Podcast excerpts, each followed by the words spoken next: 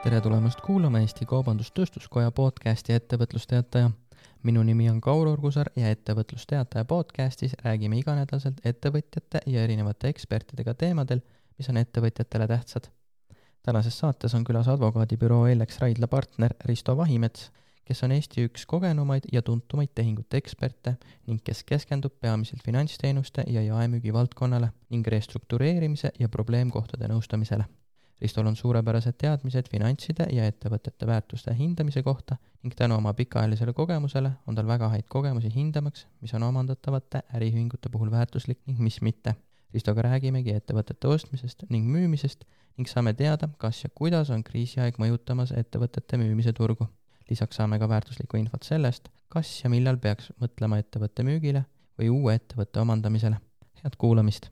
tere, Risto! tere, tere! Ma küsin kohe alustuseks, et kuidas täna läheb äriühingute ostmise ja müümise turul? tegelikult täna läheb päris põnevalt juba, et kui meil see suurepärane Covid-19 peale tuli, siis ikkagi see mõjus, et äh, oli terve rida tööstusharusid, kus äh, tehingud jäid seisma, aga mitte kõigis tööstusharudes, et et on sellised nagu äh, resistentsed äh, tööstusharud täiesti olemas, mis pigem toimisid äh,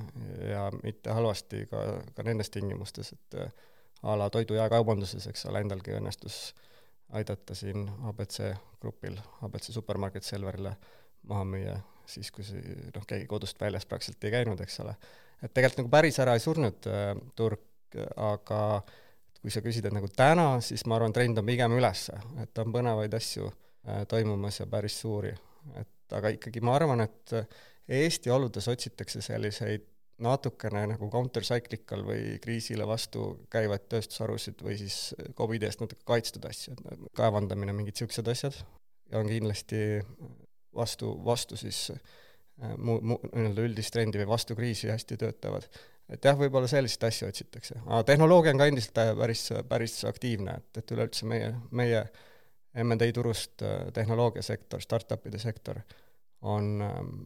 vähemalt tehingute arvu poolest nagu nagu väga heal ja tugeval positsioonil. kas äh, aktiivsemad on nii-öelda ostjad praegusel hetkel?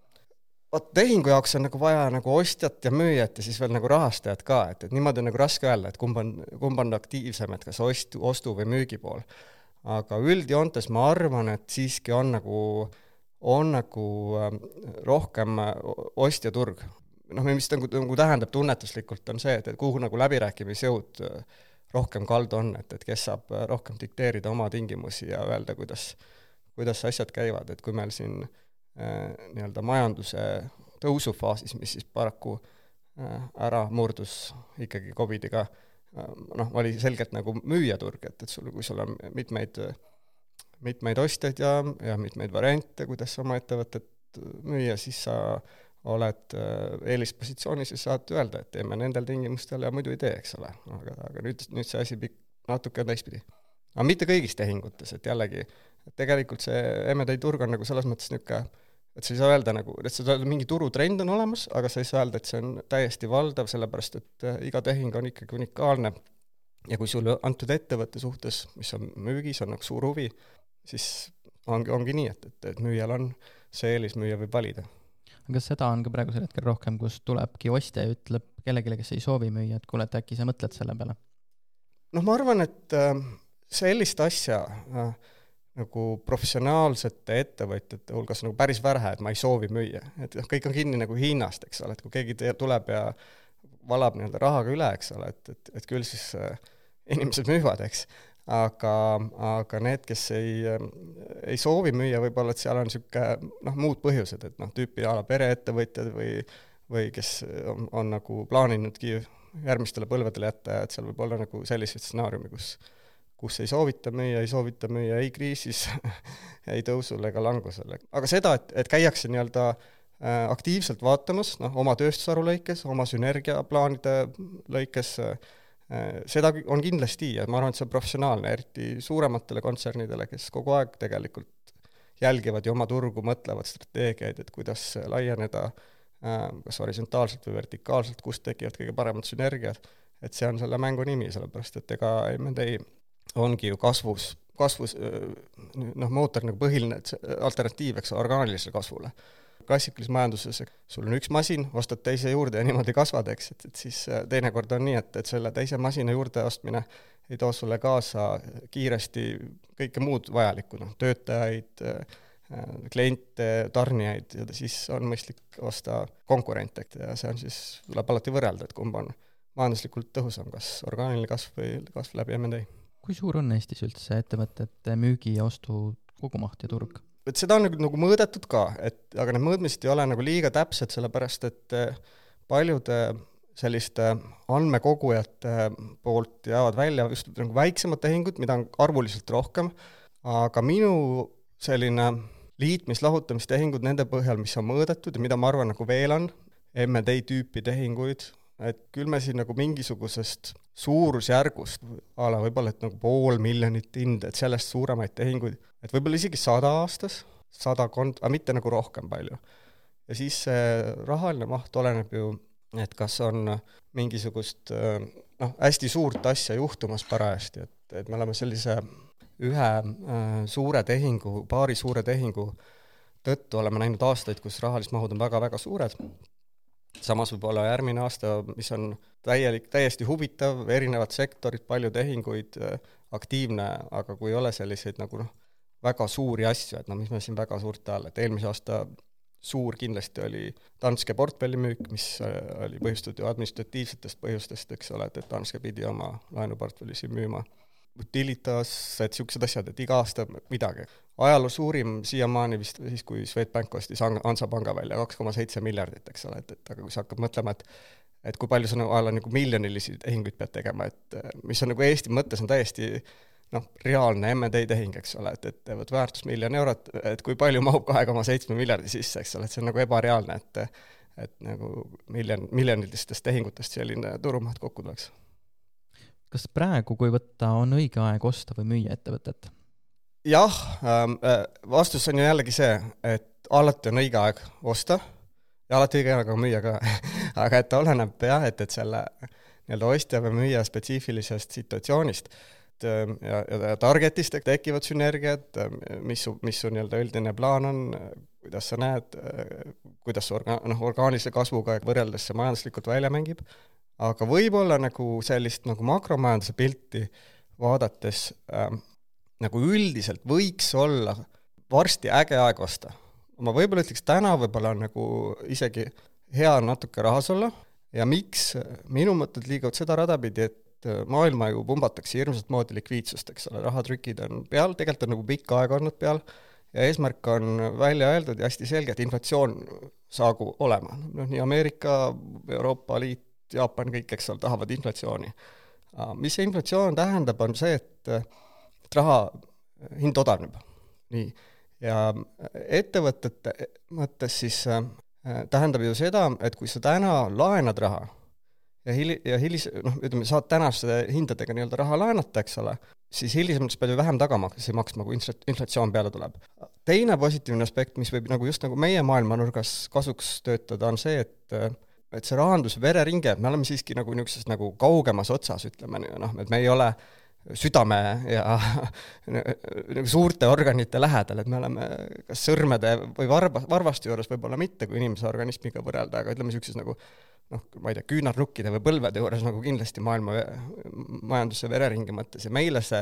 tohutu likviidsus jõuab hiljem, et selle tõttu võib tulla siin nagu väga häid ostuvõimalusi, kui likviidsus, puudulikkus, majanduse nii-öelda turbulents, mingid asjad siiski müüki noh, sunnib või inspireerib. et äh, see raha, mis tuleb just ostuks, kas see on Eesti kapital või see on äh, enamasti välismaa kapital? noh, ma arvan, kogumis ju kapitalil enam nagu nime ei ole, et me, et kelle kapit-, no üldse, et võõrkapital ja omakapital jälle sa pead eristama, eks ole, et hakkad nagu võõrkapitalist pihta, et kelle kapital see on, kui sa Swedbankist laenu võtad, eks ole, et, et kas ta nagu on Eesti kapital, on ju ja noh, üldiselt ikkagi tänapäeval M&A sellisest tehingu protsentuaalselt mahust noh, tavaliselt ikkagi üle poole on ju võõrkapital, mida, mida kasutatakse kui suuremad tehingud. okei okay,, on muidugi ettevõtjaid, kellel on nagu äh, ka ainult omakapitaliga, noh lihtne on see, et võõrkapital on odavam, eks sa saad siis oma tootlused ja asjad nagu suuremaks, kui sa kasutad no mingis mahus võõrkapitali. aga omakapitali puhul on jah see, et, et kui ta nagu on kuhjunud Eesti omanikega Eesti firmasse, et siis võiks öelda, et tal on selline noh, mingi iseloom või, või karakter, et mis, et sa saad öelda, et ta on nagu Eesti, Eesti kapital, aga meil on üks ju suur miinus, et aega on päris vähe olnud, et see kapital sealt tohutult kuhjuda saaks. Ja reaalselt tähendab seda, et et see, mis on nagu toimunud ja mida vahest afišeeritakse, et oi, et nüüd on nagu Eesti kapital ja ostab midagi tagasi ja et see on nagu normaalne trend, et noh, et, et meil nagu kuhjub kapitali ja see võimaldab Eesti omanikel oma äri laiendada oma kamakapitali ja tõenäoliselt noh, täitsa nimetu võõrkapitali toel äh,, aga reaalsus ja ma arvan, jääb pikka aega see, et me oleme nagu foreign direct investment'i mõttes me oleme saajamaa ja see tähendab ju seda, et ikkagi ka, ka veel pikka aega tänu noh, nii-öelda ühendatud anumõttesüsteemile meile siia võõrkapitali sisse, sisse voolab. kui ei voolaks, siis äh, see oleks meile halb tegelikult, sellepärast et see tähendab, et kuskil oleks mingisugune majandustõrge ja see nii-öelda ühendatud anumõttesüsteem ei toimiks, et me ei oleks osa maailma majandusest kas suurem osa ostjaid, kui me vaatame Eestit just, on äh, nii-öelda Eesti enda ettevõtted, kes soovivad laieneda mingil põhjusel või on, ostetakse ka välismaalt suuremate ettevõtete poolt näiteks? kõigepealt on nagu siis ka selliseid tehinguid, mida me siin otsapidi näeme, et kus tegelikult niisugune tehingu kese on Eestist väljas. et mingi suure tehingu raames vahetab omanikku ettevõte, noh, mis on tegelikult mitmes riigis ja sealhulgas siin, eks ole, Eestis, Eestis, Lätis, Leedu. et see on ähm, üks variant,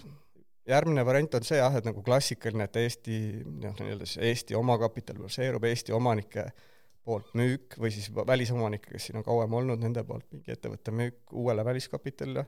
või siis vastupidi, kõike, kõike on nagu turul, et ei saa öelda, et üks või teine asi oleks domineeriv, aga noh, nagu ma enne ütlesin, et, et kuna me oleme lähtudes ajaloost nagu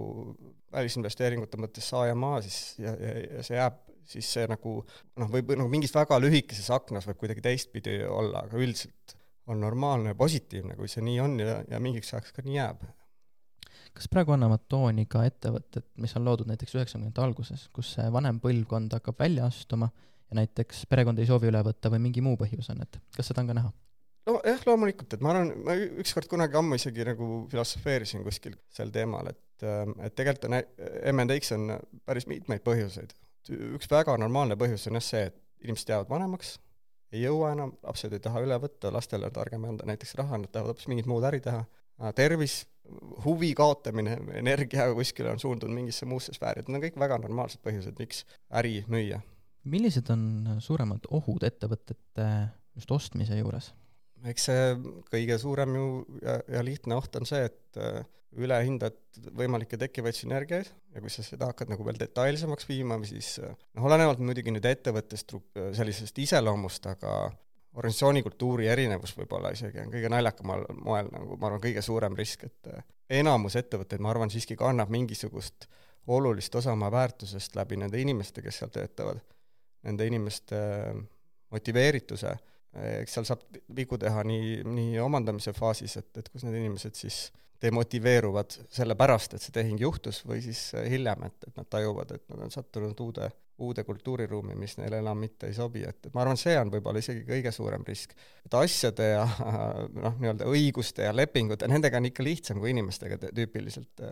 et kui sul on mingisugune, ma ei tea, kinnistu või tehas, et sa vaatad ta üle, saad nagu võib-olla kiiremini ja selgemini aru, et mis tal viga on nagu või siis mis tema positiivsed küljed on. et inimesed, ma arvan, on nagu päris keerulised tegelased selles kontekstis. kuidas seda sünergiat äh, hindad sellel hetkel, et seda hinnatakse ju lõppkokkuvõttes rahas? no lõppkokkuvõttes sa teed nagu rahalised plaanid jah, et, et mis, mis võiks saada ja kui kihvtilt võiks minna, kui sa kaks asja kokku paned. aga eks seal on nagu maailmas ja jällegi siin on nii, et, et mida suurem tehing, seda rohkem on ressurssi hästi teha, eks et on võimalik ju tellida ka organisatsiooni kultuuri osas teatud uuringuid,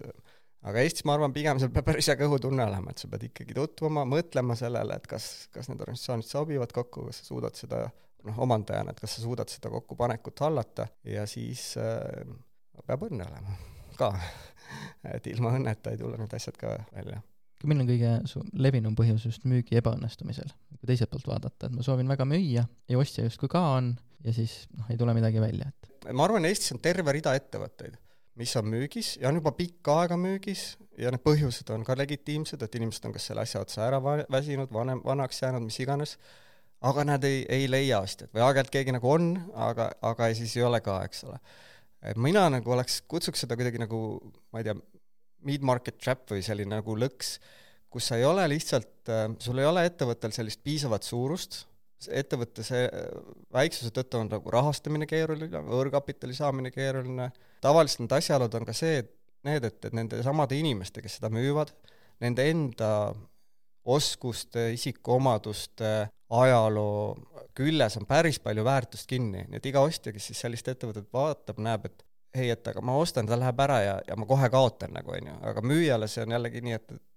oh ei, et noh, et, et, et mis, mis mõttes, eks ole, ja vaadatakse seda mineviku tulemuslikkust, mineviku kasumiaruannet, projitseeritakse seda tulevikku, et, et küll kõik jääb samaks, et tahaks mingi nii-öelda normaalse kordajaga, eks ole, selle ostuhinna kätte saada.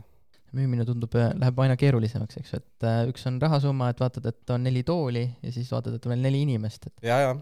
päris täpselt nii ja kuidas, äh, kui sellest hetkest ma olen mõelnud, et ma nüüd tahaksin müüa, palju ma peaksin planeerima aega? oleneb jälle, mida sa tahad müüa, eks ole, mis sul seal on, et pigem see stsenaarium professionaalsel ettevõtjal võiks nagu kogu aeg kuklas olla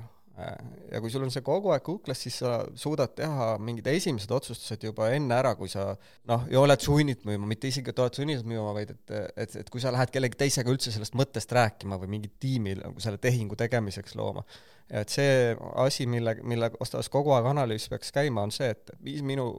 sihtturul toimub, kas kuskil konsol-, konsolideerub, kas on olemas mingeid loogilisi ostjaid, kui aktiivsed nad on, et, et, et samuti makromajanduse vaade oleme me tõusutsüklis, tõusutsükli alguses, tõusutsükli lõpus, kas minu ettevõte on nii-öelda äh, counter-cyclical või ta on nagu krii-, kriiside ja tõusudega täpselt kaasas käiv, et valida nagu neid õigeid hetki, ja siis, äh, kui see mõte on kogu aeg kusagil kuklas olemas olnud, et, et siis äh, ma arvan, tuleb see otsus nagu õigemal ajal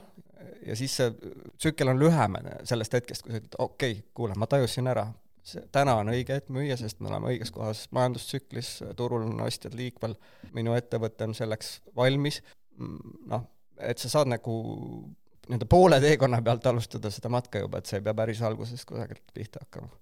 kui sa peaksid üldistama, et kaua see Eestis keskeltläbi aega võtab? No see, kui sellise stsenaariumi puhul, siis on asjad võimalik päris kiiresti teha ära, eks ole, või võib-olla poole aastaga. aga kui sa hakkad nagu vaatama ettevõtet noh, ühel hetkel niimoodi nagu noh, üllatunult, et oh sa kurat, et ma peaks nagu midagi maha müüma, on ju, et sa tegelikult pead hakkama nagu ettevõtte sees tõenäoliselt mingeid muudatusi ellu viima, et oleks müügiks valmis, eks ole noh, ma võib-olla jah, niisuguse näitena jah, et, et kui on nagu mingid asjad on nagu näiteks perekonnaga või sinu endaga liiga seotud, võib-olla sa pead uue tegevjuhi palkama juba ette, eks ole, et näidata seda võimekust, et seda ettevõtet on ka võimalik ilma sinuta edasi run ida, et, et siin on nagu päris mitmeid asju, mis võivad sind viia sellest kuuest kuust nii-öelda päris mitu kuud tagasi või et sul on mingisugused äh, majandustulemused, mis, äh, majandustulemusi mõjutavad näiteks nagu sisemised tehingud, korraldused, asjad, mis ei, ei kajastu sinu äh, ei näita, ütleme, piisavalt heas valguses sinu äh, kasumääranenud äh, majandusaasta aruannet, võib-olla sa pead ühe niisuguse aastase tsükli tegema läbi, näiteks nii, et noh, kuidas nagu ilusti öelda, et et võib-olla mingid perekonnaga seotud kulud siiski ei jookse ettevõttesse sisse, eks ole, et, et majandustulemus, EBITDA kasum oleks õiged. kogu aeg peaks olema valmis, näiteks pereettevõttena veel eriti? no vot, pereettevõtte lugu on, on, on, on niisugune omaette väga põnev lugu, et pigem ju äh, on kihvt, kui meil areneb ja tuleb selliseid ettevõtteid, kes põlvkondade viisi nagu ei müü ja teevad oma asja, pigem nagu ostavad ja võib-olla ostavad siis Eestist väljas, et ja kasvavad regionaalseteks, miks mitte globaalseteks ettevõteteks, et mul on niisugune alati niisugune kihvt näide, mis mulle meeldib tuua, ma olen lugenud äh, alla Soome ajalugu, Rootsi ajalugu, algusest lõpuni, eks ole, niisuguseid toredaid raamatuid, aga et lõpu eel, kui sa hakkad vaatama seal kusagil viimast sajandit või nii, et hakkavad kusagilt tulema, eks ole, need täna suured globaalsed või vähemalt regionaalsed äh, brändid ja ettevõtted, ja nad ei tule ju nii, et, et nad on nagu kohe suured või globaalsed, et see on noh, mingi küla vürtspood, eks ole, vabalt nagu, nagu võtad Pauligi näiteks, et kus, kust, kust see asi alguse saab, et selle tõttu ma arvan, et meie ajalugu lühikest aega vaadates on nagu täiesti reaalne, et äh, on lisaks nendele, keda me kõik teame, on nagu täna juba olemas nii mõnigi regionaalne või globaalne ettevõte siin, aga kui ta siis äh, liiga vara maha müüakse, kui ei ole niisugust nagu põlvkondadeülest järjepidevust, kas pere sees või ütleme lihtsalt Eesti kogukonna sees, et ega ta siis nagu oma brändi ja oma sellise kuulsuse najal nagu maailma, maailmaliidriks või maailmas oluliseks või regionaalselt oluliseks ei tõuse nimeta kõige olulisemad äh, punktid selleks, kui ma hakkaksin müüki planeerima. sa ühte juba mainisid, peaks olema, vaatame nüüd äri eesmärke ja kogu aeg peaks kuklas olema, aga kui ma olen täna ettevõtja, ma pole veel selleni mõelnud, et kust alustada, võib-olla müüa kohe ei taha, aga kuidas selleks valmistuda? ma arvan, et ikkagi sa pead ennast noh, pane ostja, võimalike ostjate positsiooni. et sa pead vaatama tegelikult sellest, selle pilguga oma ettevõtte sisse. Kuidas su äri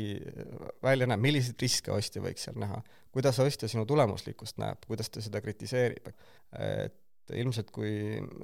vahest on ka selliseid olukordi, et on nagu üks, üheks nii-öelda äriühing, aga tegelikult seal tegeletakse nagu noh, liiga paljude erinevate asjadega, et siis on ka võib-olla raske müüa, sellepärast et tõenäoliselt ei ole sellise profiiliga ostjat, kes kõike seda väärtustaks, võib-olla on vaja teha mingi eelnev jagunemine, näiteks et sul on, on äh, äriühingus äh, tekib kontserni struktuur holdingu all, on erinevad nii-öelda ärid ongi erinevates juriidilistes isikutes, aga see on siis mõttekas see, kui sa näed, et tegelikult see ostja struktuurid, võimalike ostjate struktuurid ei vasta sinu äristruktuurile, et, et kui sa üritad samal ajal noh, näiteks müüa maha oma mingit kinnisvara koos jaekaubandusega,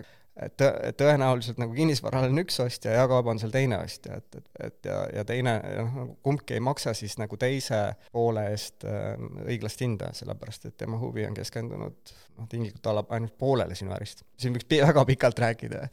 et mida võiks teha või et, et aga vaata jah, nagu esimene soovitus, vaata oma äri sisse, mõtle sellest nagu ostja, kriitiliselt nagu ostja, siis sa näed, mis tuleks korda teha ja võib-olla järgmiste sammudena ikkagi vaadata ringi, et, et millega sa ise hakkama saad ja keda oleks nagu abiks vaja tehingu tegemisel. selge, aga suur tänu, Risto, selle kiire ülevaate eest ja, ka mõne hea mõtte eest! ainult, ainult rõõm, aitäh!